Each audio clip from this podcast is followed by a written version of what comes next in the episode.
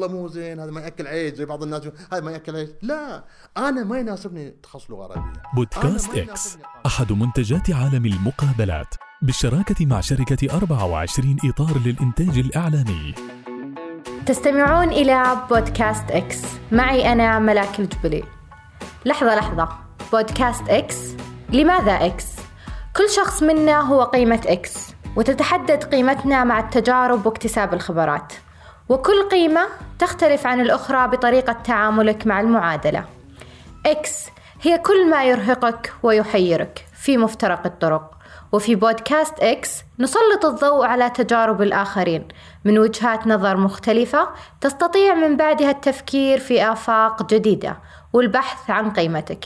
تجربتنا اليوم مختلفة مع شخص مسيرته العلمية والمهنية مثرية.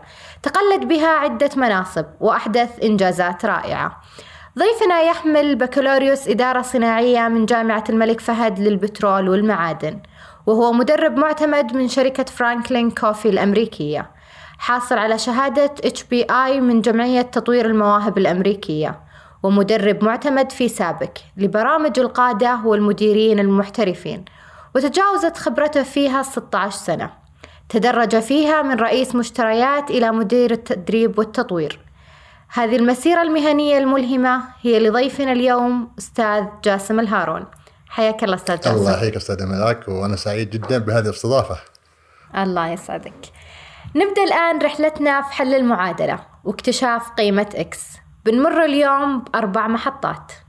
المحطة الأولى بداية رحلتك المهنية.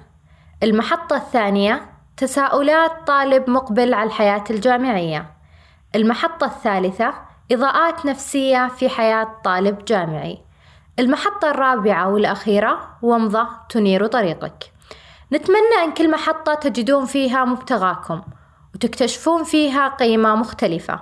يلا نبدأ أستاذ جاسم. جاهز. محطتنا الأولى هي بداية رحلتك المهنية. نرجع للماضي وخصوصا ماضيك الدراسي. هل عانيت من التشتت والحيرة في اختيار التخصص الجامعي؟ وكيف تعاملت معاه في وقتها؟ أول شيء بسم الله الرحمن الرحيم. آه، مرة ثانية شكرا.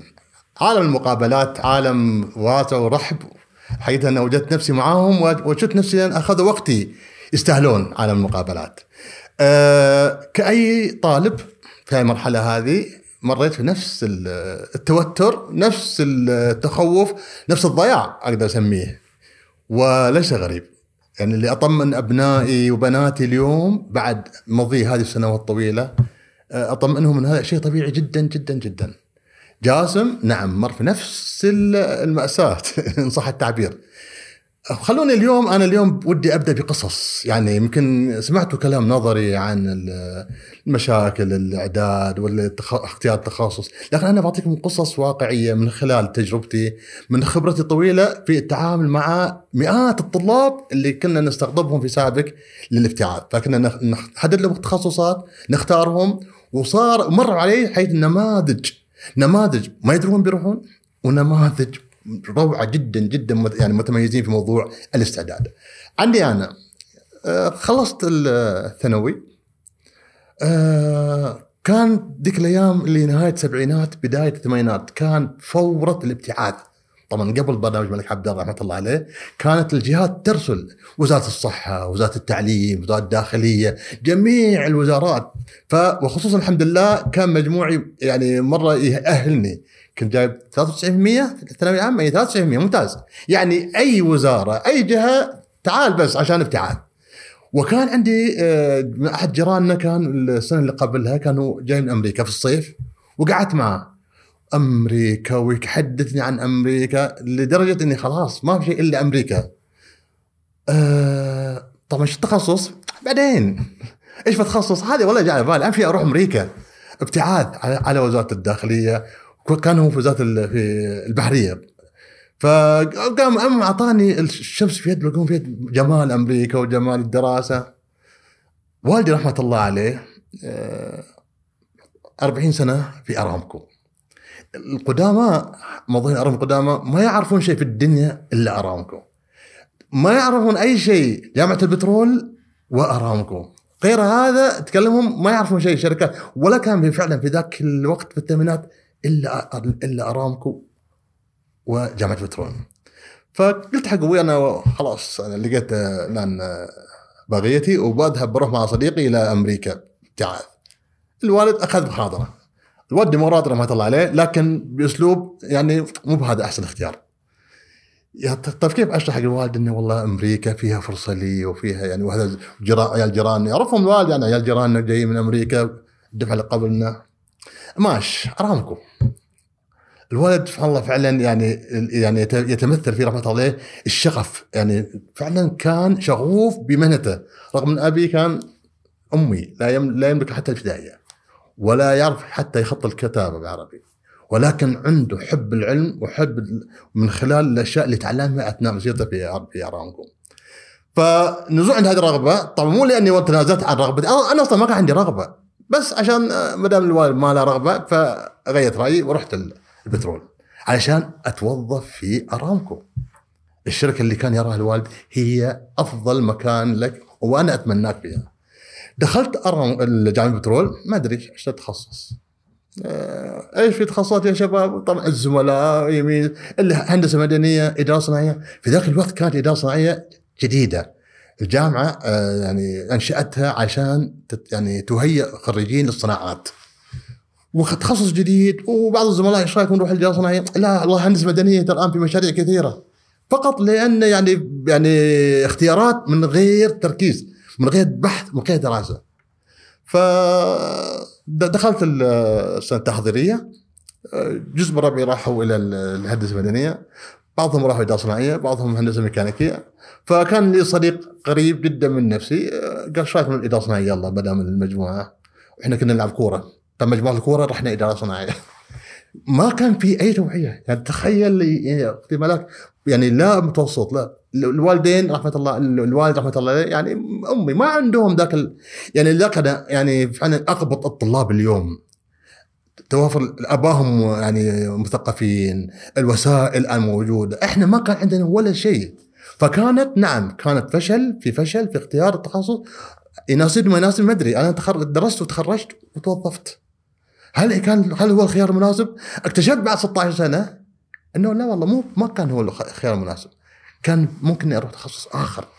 بس خلاص الآن يعني وحتى بعد التخرج من الثانوية العامة للجامعه أيضا ما كان في أي توجيه وين أروح؟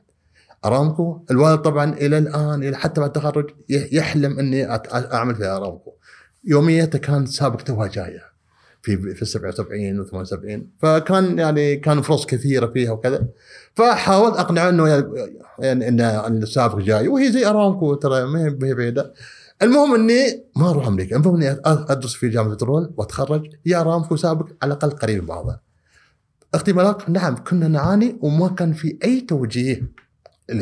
مهني لنا في ذاك الفترة وذاك حصلت تخبطات حتى وصلنا إلى ما وصلنا دخلنا البترول دخلنا تخصصنا في الإدارة الصناعية أعتقد أجل فعلا كانت مرحلتك آنذاك مليئة بالتشتت والحيرة فعليا جدا. لكنها الحمد لله يعني صنعت أستاذ جاسم آه، الذي نراه الآن طيب أستاذ جاسم بالنسبة لتخصصك الجامعي اللي ذكرته اللي هي إدارة صناعية في جامعة البترول آه، والمعادن نعم. بما أنه أصلا ما كان التخصص اللي ترغب فيه ولا حتى أصلا كنت عارف بالضبط إيش هذا التخصص فهل تعتقد الآن تخصصك السابق في المرحلة الجامعية هو امتداد لما تعمل فيه الآن وكيف كانت بدايتك مسيرتك المهنية بعد نعم. تخرجك من الجامعة فيه؟ نعم. أول ما تخرجت على طول على سابق في إدارة المواد المشتريات العقود الخدمات. فطبعا الإدارة الصناعية آه، فعلا يعني يعني تصميم موادها ومنهجها فعلا لتلبي هذه الحاجة. عندنا إحنا التخصصات الهندسية اللي هي الأوبريشن والصيانة. آه، فبقيت القطاعات الأخرى زي العقود المواد الخدمات تحتاج أيضا الفكر الإداري اللي منتمي للصناعة. فالحمد لله قدرا مو اختيارا قدرا كان التخصص يعني, يعني يتواءم مع الوظيفة والمجال. فالحمد لله فحتى التقيت معاه تقاطعت في بعد 15 سنة في المواد البشرية. أيضا لما نتكلم عن إعداد المهندسين وتدريبهم فهذا أيضا من ناحية إدارية للمصانع وتجهيز ال- الناس الطاقات الكوادر اللي فعلا اللي تخدم إدارة الفنيين تحديدا لإدارة المصانع والإنتاج. فكان تخصص الحمد لله يعني يتوافق فصار في في يعني في التقاء بين تخصصي وبين الوظيفة اللي أنا فيها أنتم تستمعون الآن إلى بودكاست إكس. ننتقل للمحطة الثانية. تساؤلات طالب مقبل على الحياة الجامعية. آه، هل ترى أستاذ جاسم أنه فترة التش... التشتت والتوهان هي طبيعية في الطالب الجامعي في مرحلة اختياره للتخصص؟ وكيف تنصحه بالضبط يتعامل معها؟ نعم. سؤال مهم جدا جدا جدا. خليني أعطيك أستاذ ملاك آه، قصة ابني محمد. يعني قصة الأب الآن أنا أعطي قصة الابن. يعني الأب توهان حيرة ما في أي إعداد ما في أي بحث ما في أي استعداد ولا حتى في معرفة شنو ماهيه التخصص. محمد ولدي الله يصلحه يا رب ويبارك فيه آه، طبعا طبعا الأطفال في المرحلة الابتدائية يعني عندهم اهتمامات. اللي آه بابا إيش تبغى تصير؟ أبغى أصير دكتور، أبغى أصير مهندس، أبغى أصير طيار. وحتى تلاقي يمكن ال- الاهتمامات حقتهم ال- الألعاب لها علاقة بال وهذا بنرجع يمكن في محطة أخرى لما كيف الواحد ممكن يعني يختار تخصص اللي يناسبه. محمد كان عنده آه، هوس من من صغره في الطيارات الألعاب يلعب يطير طيارات وكذا ها محمد إيش تبغى تصير؟ أبي طيار آه، طبعا صغير عادي ما شاء الله طيار ممتاز في المرحلة الابتدائية مرحلة متوسطه يعني صغير فما ما في تعليق من الوالدين آه، تخلص الابتدائية دخل المتوسطه بابا إيش تبغى تصير؟ طيار اقتن- اقتناءات والعاب واذا رحنا محل ألعاب يشتري طيارات فتحس يعني أنا بدأت ألاحظ في هذا الشيء. طبعا أمه في لما نقل عليها على, انفراد إيه، ترى انتبه الرجال تشوفه يعني متوسط الحين ويبغى طيار. يعني تعرف الأم خوف الأم على إنه يعني غربة ودائما في الجو معلق. خلص المتوسط الولد يعني بدأ يعني يفهم قال طيار أنا اصير طيار. طبعا أنا في الفترة هذه كنت يعني أنا بس أحد مسؤولين التوظيف في سابق في الابتعاث برنامج الابتعاث تحديدا. وكنت أنتظر لك اليوم اللي محمد يقدم ويطلع مهندس كبير في سابق يروح مع الطلطاب لأن أعرف ميزات التخصص السابق اهتمامه بهذا الخريجين اهتمامه بالمبتعثين اهتمامنا بالغ جدا جدا. كنت أتمنى أن ابني يكون أحد بس طبعا ما أستطيع إني أجي أقول لا وأنا الحين أعلم الناس وأقول لهم لا أختار تخصصكم. أول ثانوي ثاني ثانوي آه، راح آه، رحلة مع مجموعة إلى إيرلندا لغه انجليزيه تقوية. طبعا هو بعد أول ثانوي ما زال طيار يعني مو طفل الآن يعني ناضج. ابى أبين لك بس سبحان الله كيف التوهان كيف الآن. وكيف في المق... أنا إيش كنت وإيش كان هو؟ سبحان الله أنا ما كنت كذا. يعني هو الآن يعني طيب كيف يا محمد؟ كيف رجعوا من إيرلندا خلصوا الكورس أول شيء أستاذ ملاك يوم جاني ولا تقول تفضل بابا. إيش هذه؟ رويني شهادة مقياس اختيار الاختيار التخصص. سووا لهم اختبارات الميول الشخصية. طلع ميوله قانون طيران. يعني يقول ها- بعدها تقول أنا الحين يعني أنا فعلا أسقط يدي. كيف؟ راح بحث وراح مع مع الزملاء وجاب الشهادة. أول شيء قبل يسلم عليه تفضل هاي الشهادة. هذه ميولي الشخصية. يا قانون أقرب شيء قانون لي أو طيران.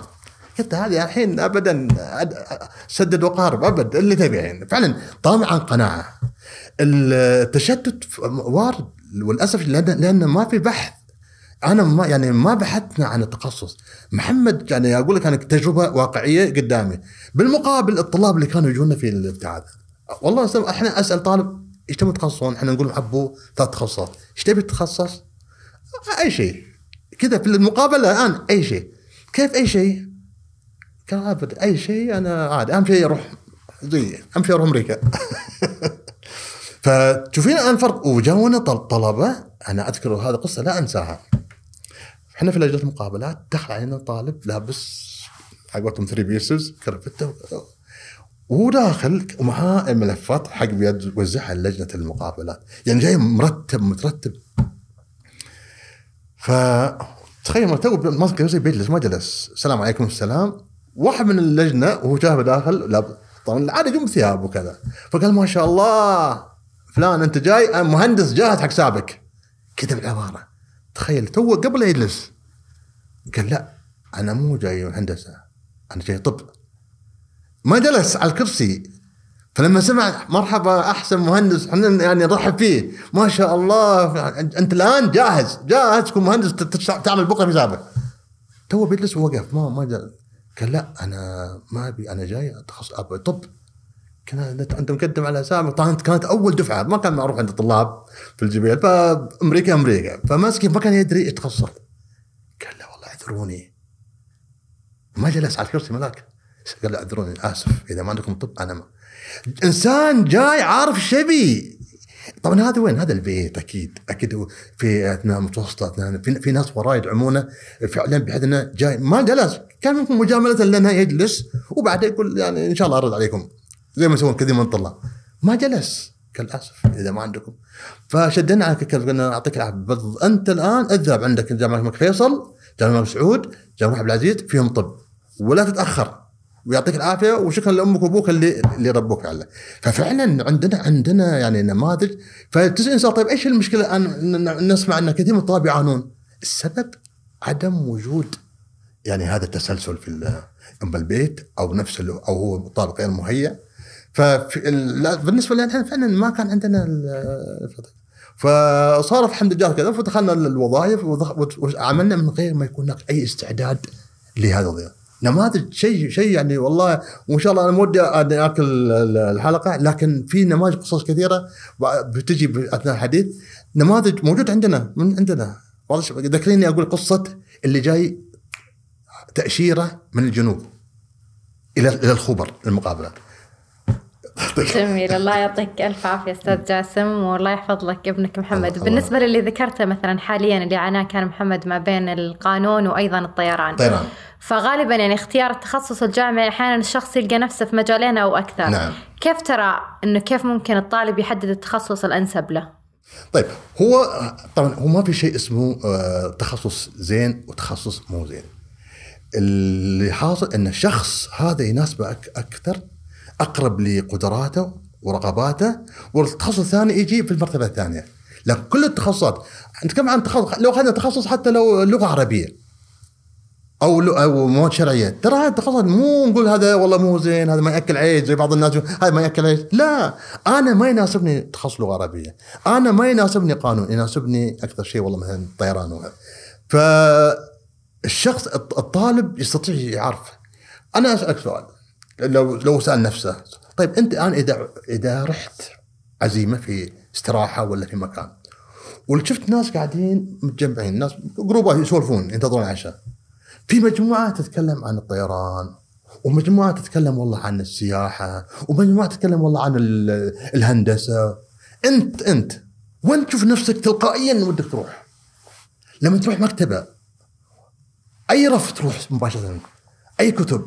هذه الاجابه لهالاسئله هذه وغيرها تعطيني انطباع أنا إيش رغبتي فالميول اللي اميل لها وأنا طفل صغير إيش أكثر شيء كان شدني؟ إيش الألعاب اللي كنت ألعبها؟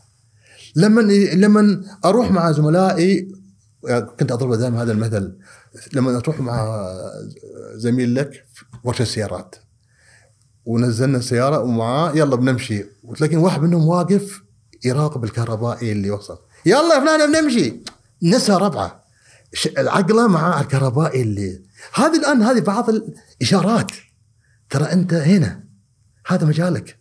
الحب ال- ال- التلقائي اللي أنا لما أروح في استراحة لما أروح في الجامعة لما أروح مكتبة لما أروح في في أي محطة محطات الحياة أشوف نفسي منساق. لما الناس تتكلم أس وأنا أسولف. هنا الآن هذه الأشياء إحنا نسميها إيش الآن؟ بوادر الشغف. من وين كيف أجد شغفي؟ اتبع الشغف اتبع اتبع الأشياء اللي تشدك. لا تبحث عن المال. فالطالب الآن امام أمام خيارات. مثلا عنده أكثر من تخصص يختار. وين وين يشوف نفسه أكثر ميلان؟ لما يتكلمون الناس لما يسولفون الناس. وهو هو لما يحط راسه على المخدة. إيش يفكر فيه؟ ترى هذه إجابات هالاسئله هي تعطيك بعض انت أنت وين تميل مو ربعي زملائي. والله كل الشلة راحوا هندسه ميكانيكية معاهم. زي ما كان في عندنا. كل الشباب راحوا هندسه مدنيه معاهم. لا أنا عندي شيء. أنا عندي شيء داخلي أستطيع إني أتميز فيه. وأنا لو خل أنا كنت دائما في بعض الدورات شنو الموضوع؟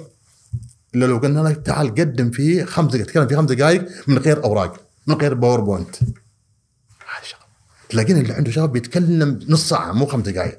ما يحتاج أوراق. لأن هذا شيء. الشيء اللي ما اللي أنت تتكلم فيه تلقائي من غير ما تعد له من غير هذا الشيء اللي هو عايش في جواك.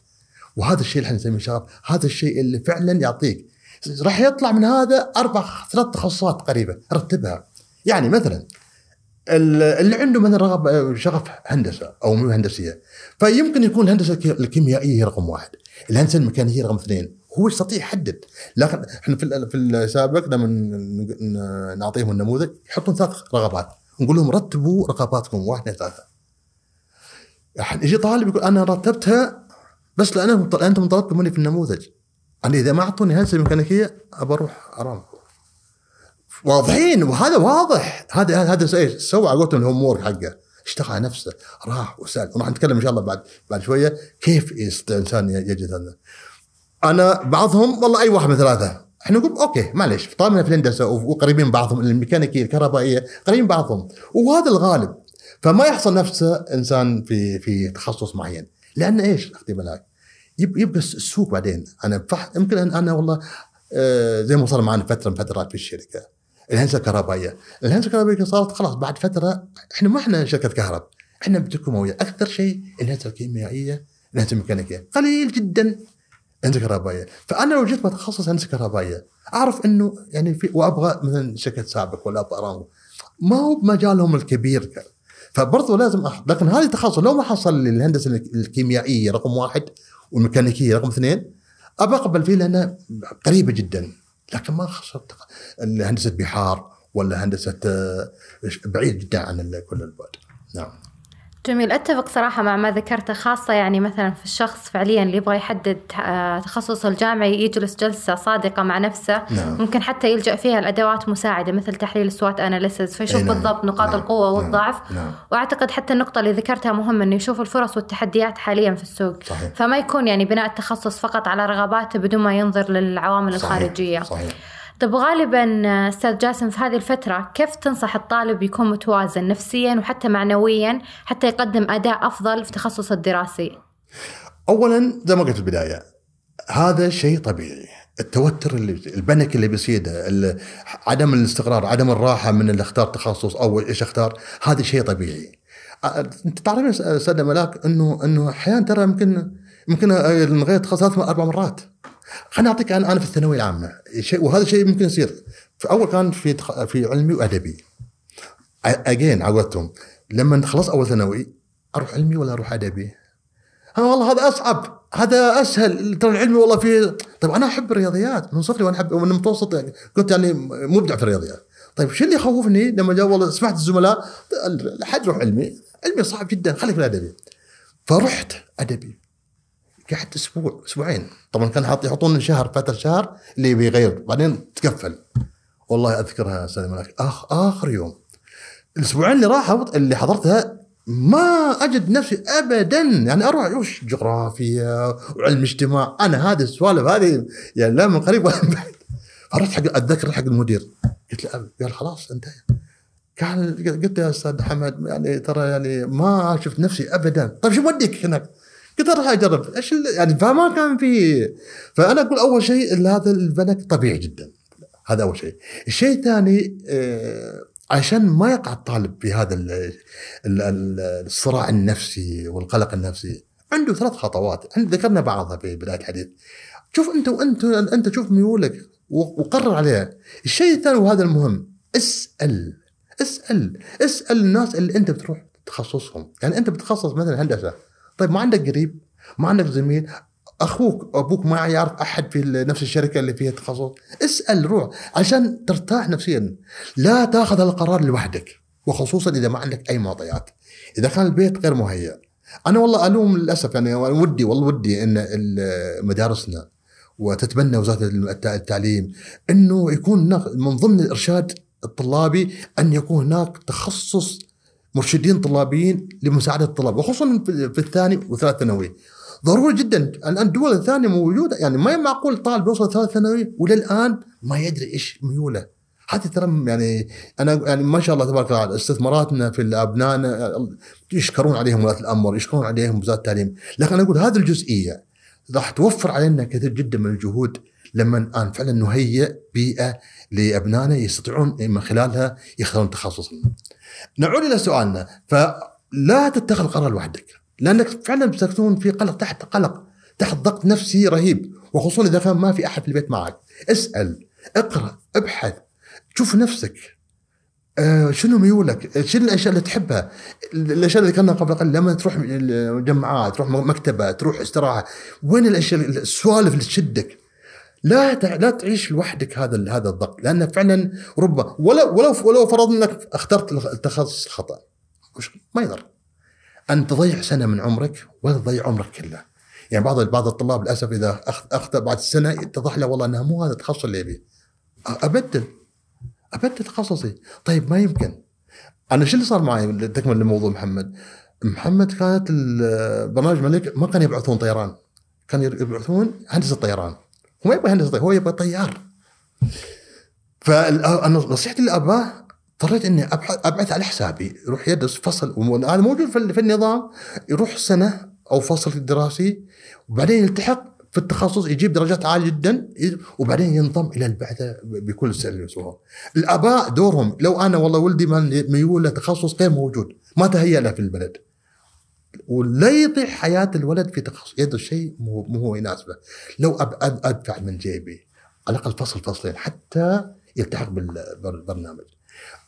قابلت يوم رحت طبعا حضرت حفلة تخرج محمد طبعا محمد ابشرك راح وقبل ومن الممتازين وتخرج مرتبة الشرف طيران أنا أقول سبحان الله اللي ذا واحد فعلا درس الشيء اللي يحبه أنا ما أدري رحت طبعا قال تعال بابا تعال آه، الحفل تخرج سافرت أمريكا. طبعا آه، قبل آه، هو قال لهم ترى أبوي ترى أبوي مدرب كذا وكذا إذا تبونه تصيدونه يعطيكم دورة. فقدمت كلمة أو عن عن الاختيار التخصص الجامعي وبعد ما بعدها بعد التخرج. فكان الشاهد مو هنا الشاهد لما حضرنا الحفل التخرج.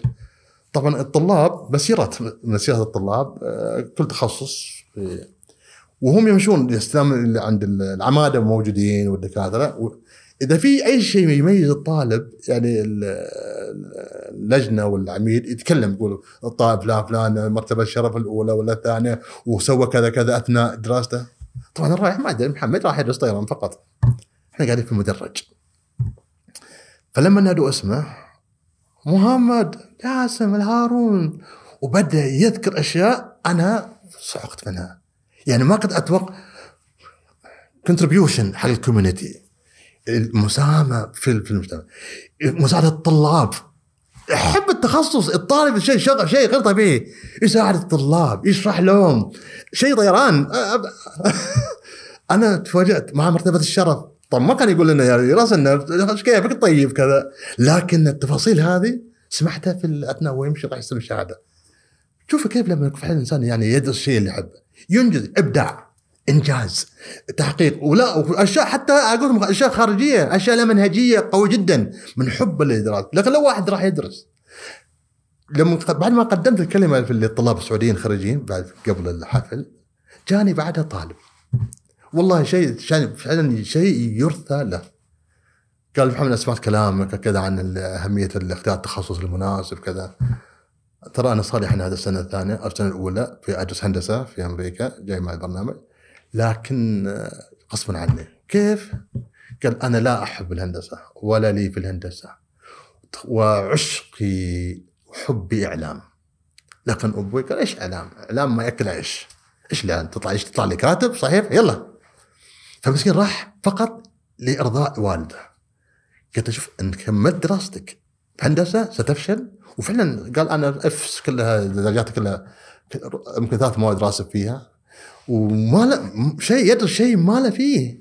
قلت له شوف إذا رجعت روح برأس الوالد وشوف له إذا عم عندك عم ولا خال من كبار العائلة ادخل على الوالد وبين تقول له والدي ما يرضيك ان ترى أنا أفشل. أنا أنا ما نجحت. صح أنا ودي أحقق الحلم لكن مو هذا رغبتي. تخيلي أنا يعني لو لو ممكن لو كمل دراسته يمكن ينجح بس بينجح إيش؟ يا مقبول أو مضى مواد راسب فيها وحيتأخر سنوات طويلة جدا. أقارنه مع الطالب اللي راح يدرس شيء فعلا هو مستهوي إنجاز. ففعلا يعني مهم جدا جدا إن الطالب يعني يكون عنده تصور وضوح. لابد أن يخرج من هذا من هذا الجو النفسي. لازم يشرك الناس لازم يشوف نفسه وين وين نفسه. آه هنا طيب مثلا نفس اللي ذكرته لما يدرس تخصص مو التخصص اللي يرغب فيه. فغالبا يعني عدم القبول في التخصص المطلوب بيسبب إحباط كبير للطلاب. نعم. كيف ممكن تشوف يتعايش مع هذا القرار؟ والله شوف هنا هنا هنا أسري. أنا أقول هذا هذا وهذا اللي قلت لك قبل شوية. يعني هذا هنا موضوع أتمنى إن الوالدين يتفهمون هذا الشيء. يعني صح اللي الله سبحانه وتعالى يعني من عليهم ب ب- يعني سعه من المال لا يحرمون ابنهم من التخصص. التخصص الجامعات الحكومية صح عندها عندها استيعاب محدد مو كل الناس ممكن يساومون يبقى أنا عندي خيارين وهذا اللي كنت دائما انصح وفي كثير من الطلاب اللي متميزين يعملون. الأب إذا كان فعلا عنده آه، اطلاع ياخذ ابنه ويحطه في في جامعة أهلية. ويدفع الاشياء الأهلية ممكن يدرس فيها حتى لو يعني مجموعة أقل من المطلوب. آه، يبتعث ويدرس 30 ساعة. الآن النظام يسمح 30 ساعة أدرس على حسابي ولما انه حاب أكيد بيتميز أكيد بيجيب درجات عليا. ثم بعد ينتقل إلى إلى إلى, إلى, إلى الابتعاث لكن لا يدرس تخصص. حتى لو درس تخصص بعض الجامعات موجود عندنا إذا جاب درجات عليا عالية جدا ممكن ينتقل إلى التخصص اللي يحبه، يعني أتذكر عندنا في الجامعة إذا يدخلون التعليم الموازي اسمه التعليم الموازي فيدرس سنة إذا جاب تميز وجاب شيء ممكن ينتقل إلى التخصص اللي بعض الطلاب خلاص ما حصل هذا حصل هذا. هذا هنا في قصص كثيرة من القصص اللي فعلا أكملوا دراستهم في أشياء لا يحبونها. قابلت واحد بعد تقاعد سدى بعد التقاعد يعني مضى 35 سنة. عنده جاري في ال- 35 سنة. هذه قصة أنا لن أنساها. أنا معلش أنا حولت الإجابات دي كلها قصص لكنها لعلها لا تثري الموضوع. طول عمره في التشغيل شفتات ورديات مشرف صار رئيس مشرفين. بعد فترة قبل يمكن خمس سنوات كان يجي كان محمد ما في باكج يبي يتقاعد. يعني تخيل ال 30 سنة يشتغلها يشتغل في شيء ما يحبه. وصل مرحلة إنه ما يستطيع يكمل. يا ابو علي صعب الحين. وين؟ أنت خلاص باقي لك كم سنة؟ اطلع تقاعد نظامي. قال ما أستطيع. ما تطلع يمكن تطلع بالمشرف بعد خمسة بعد عشان بعد 15 سنة تطلع عليك.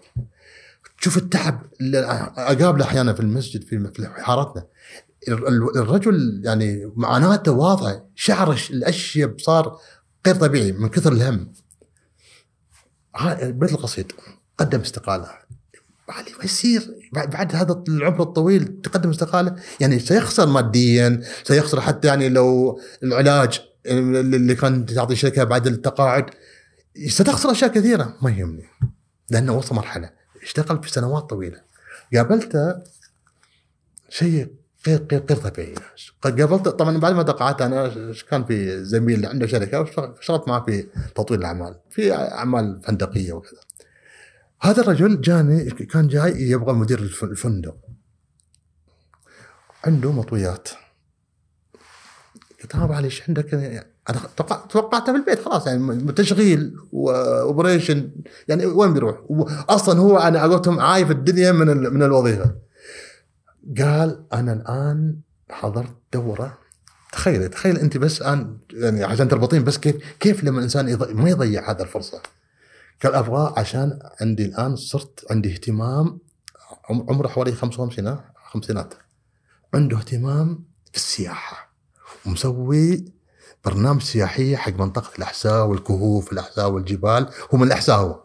ويرتب مع حافلات في حافلات نقل ومرتب مع في محطات الوقوف المطاعم في package يعني ها package علي قال أقوم الفجر محمد أروح حق الفنادق خمس نجوم المريديان كارلتون الانتر مرتب معاهم.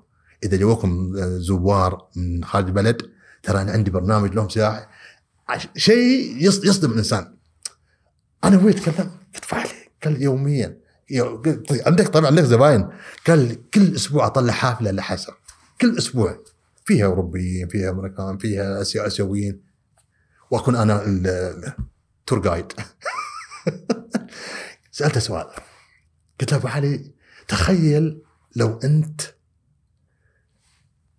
اشتغلت في هذه الوظيفة من بعد ما خلصت ثانوي. قبل اشتغل في سنتين تعرف إيش كان جوابه؟ لكنت أملك أكبر شركة سياحية في المملكة. قلت له والله لا يكون صحيح.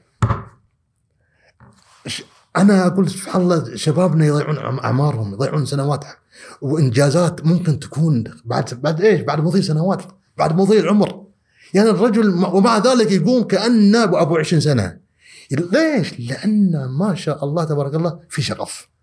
وجد نفسه. صح متأخر جدا لكن ما زال يعطي. إلى اليوم أبعد من ذلك كنت أقدم دورة تدريبية حق طلاب كلية ال- ال- الكليه الجامعيه في الجبل. أنا أقول أنا أحيانا تصدمين وهذا هذا طبيعة الناس. طبعا اعلنوا هم في ال social media إن في دورة كذا للطلاب. ولا لا. من من الحضور؟ علي قدام أنا أنا طبعا أكبر بهذا الإنسان الذي فعلا وجد شغفه وجد مكانه اللي يحبه. أبدع فيه أي ما ابداع أفكار جات إنجازات تلو الإنجازات. لكن لو إنسان اشتغل في مكان أو تخصص في تخصص ما يحبه. سيكون ابدا بيكون يتخرج ويمكن يعد الأيام تتثاقل قدمه حتى يروح الدوام. ونعرفهم كثير جدا. تلاقيه صاح يجي ينتظر بس ينتظر ساعة متى تجي الساعة 4 عشان يروح البيت.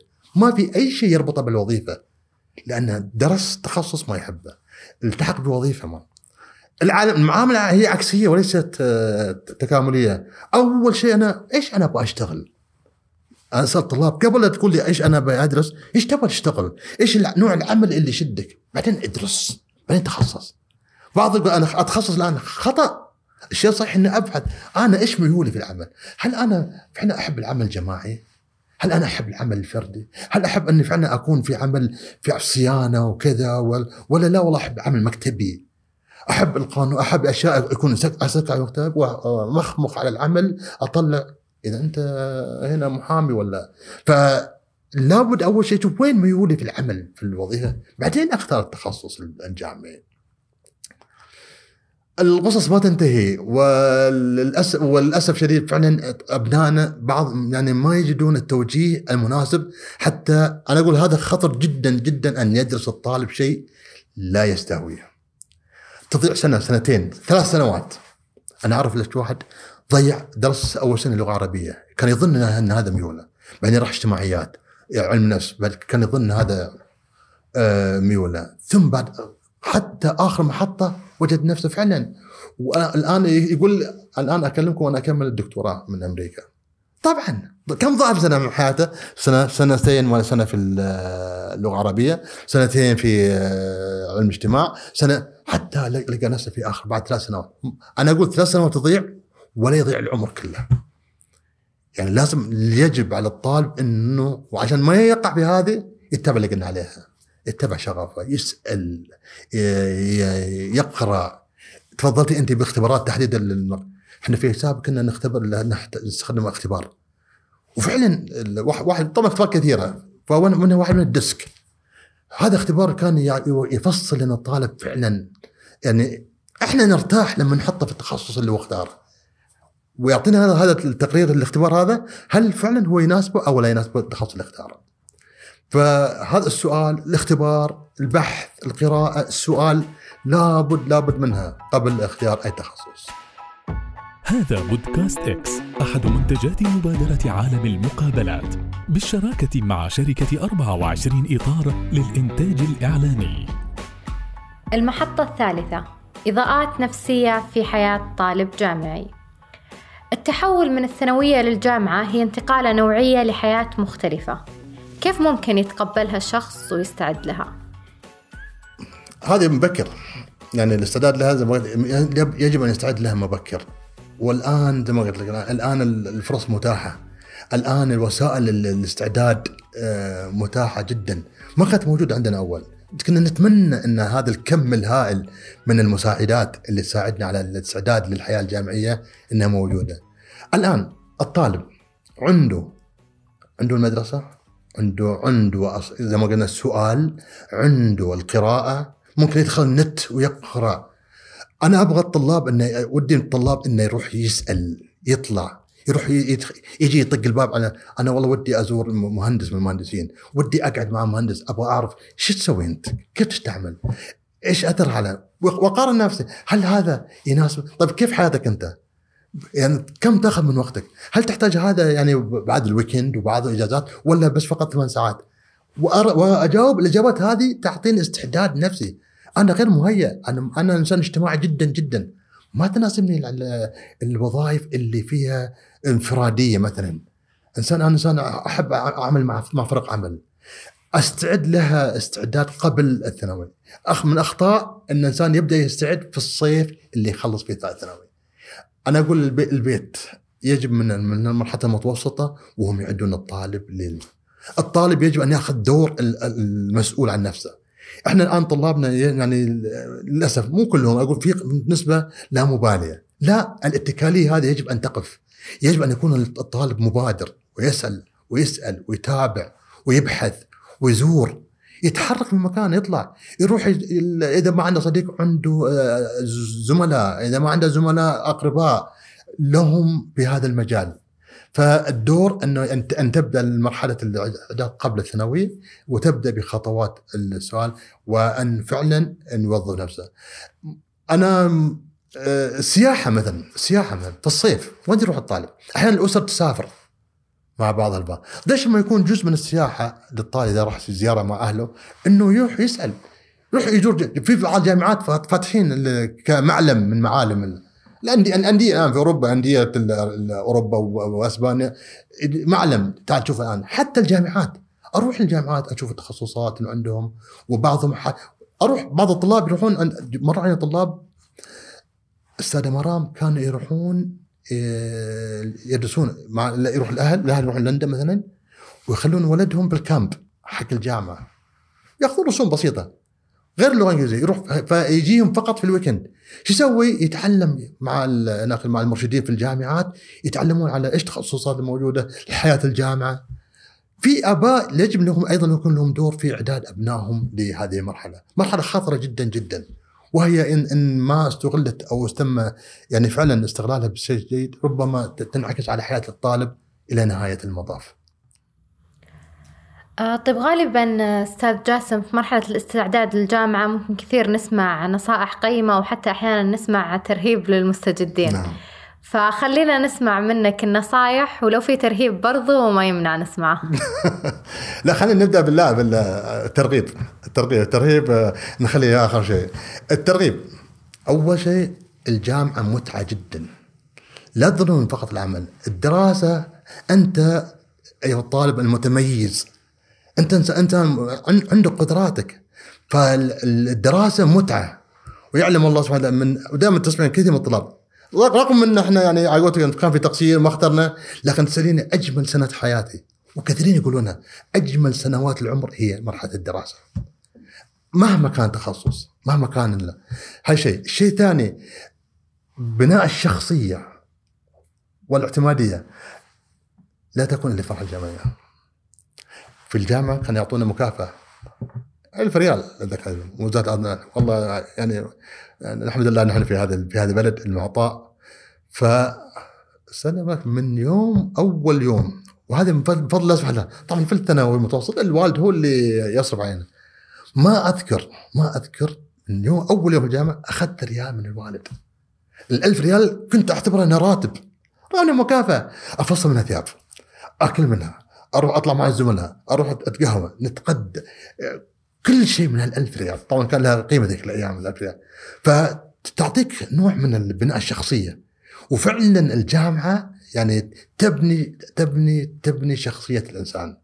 آه، الجامعة فيها مو بس فقط تخصصك فيها مع... راح تبني معارف معارف لا حصر لهم.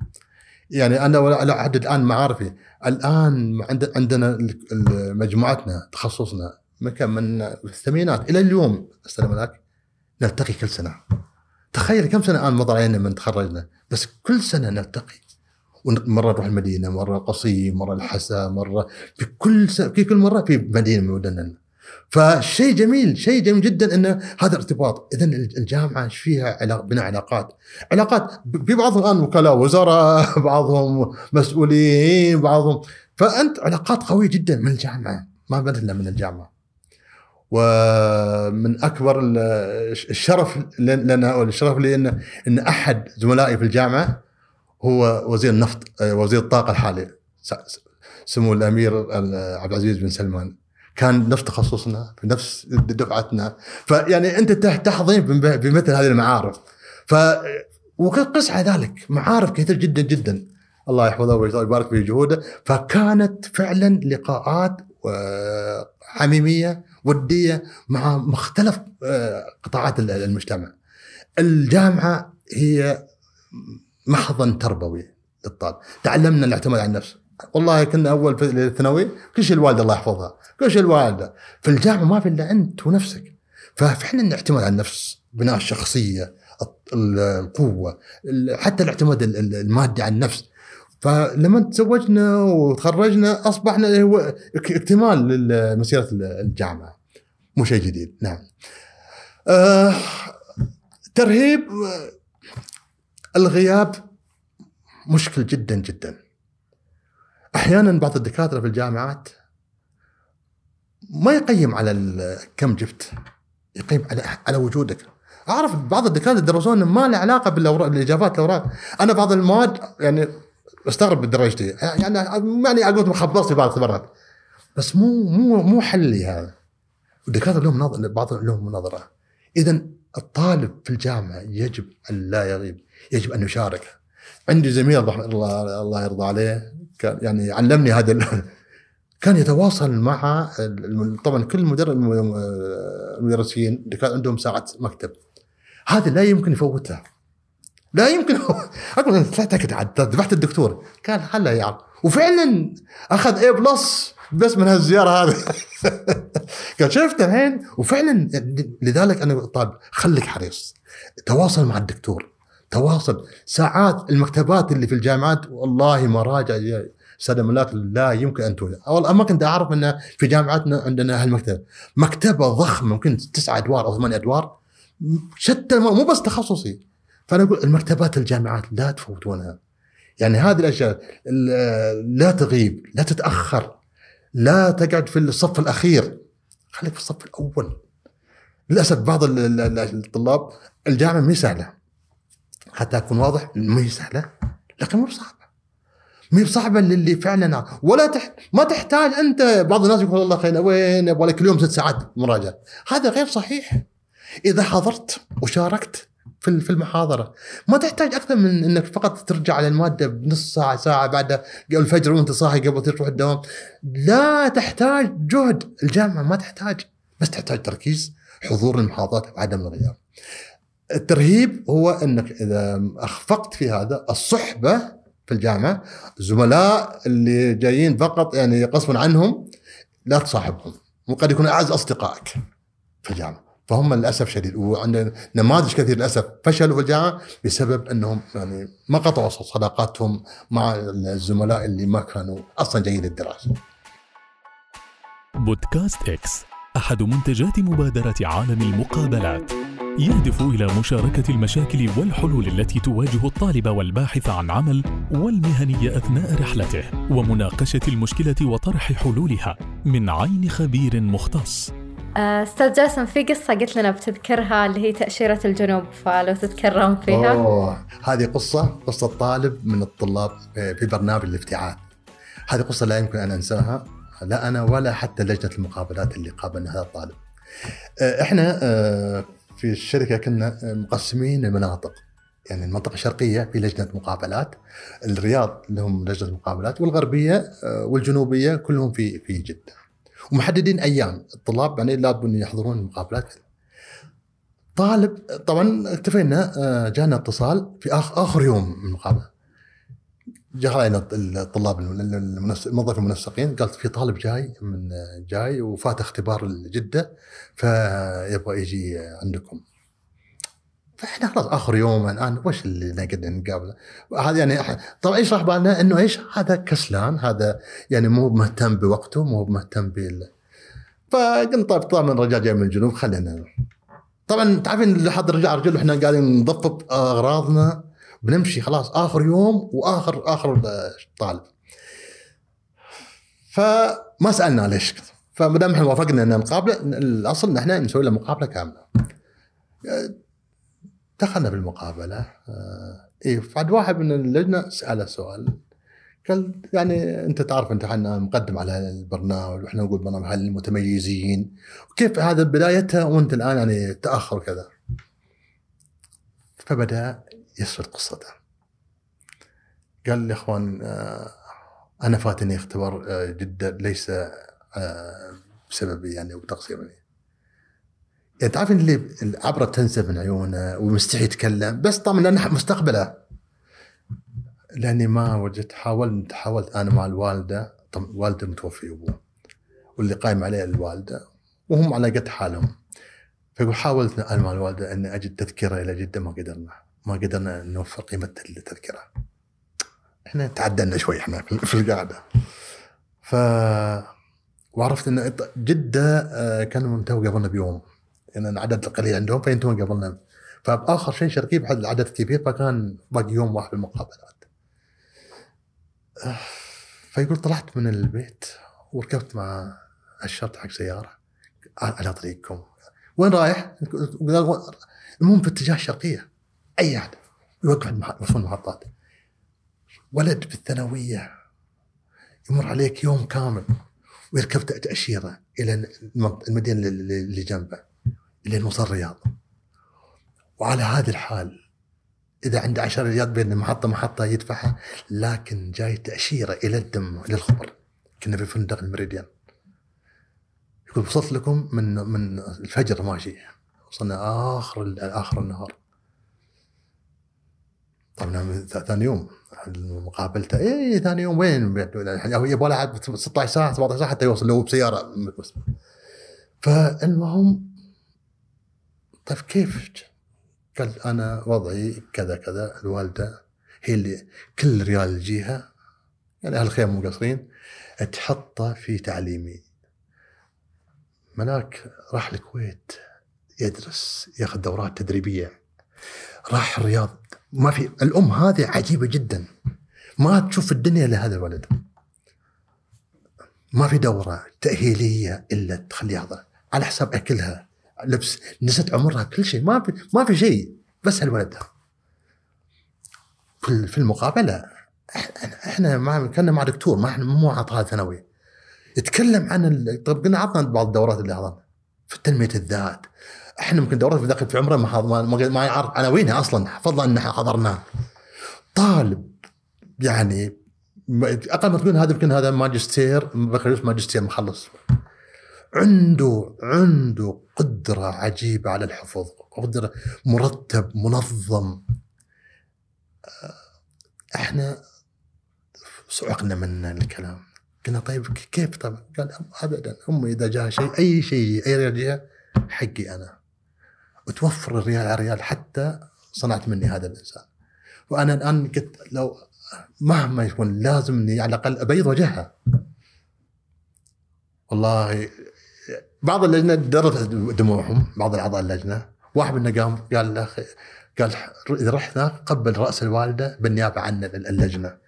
من هذا الشيء الكبار لازم طيب ما انتهت القصة هنا طبعا لأن إحنا يعني تعرفين نبغى نعرف تابعناهم عندنا الشباب اللي في أمريكا يتابعون الطلاب.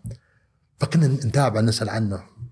فكان الطالب الوحيد في كل الجروبات اللي يوفر من المكافأة ويرسل حق أمه. أنا محمد كل شهر زي بابا زيد يلا نزيدك بابا. كل الطلاب ما في ما اللي يبي سيارة اللي يبي كذا واللي ما في مكافأة كان يوفر من مكافأته ويرسل حق أمه. هذا الطالب شيء حقيقة. من انجب الطلاب. straight A's طول سنوات ما عنده تركيزه في في أمريكا كان فقط على الدراسة. هذا نموذج في كل مرة أنا أقول حق الطلاب مجموعه طلاب أقول ترى هذا زيكم ترى ترى هذا يعني شاب زيكم مو من كوكب آخر. إيش اللي خلاه؟ عنده فشل عنده همة عنده هدف. فكان كان نوعية يعني من النوادر اللي مر علينا مر على النوادر بس هذا يعني يمكن من أندر النوادر من الطلاب اللي مر علينا أما قصة التاشيره هذه إلى جاء الخبر هذه حقيقة أسقط خوف ما تخاف. قال لا بسبب الهدف قلت أضحي ما ما يصير. الله يقدك الله يقديك والله. فعلا انك فكان دور الام أقول أنا أقول مرة ثانية الوالدين لهم دور.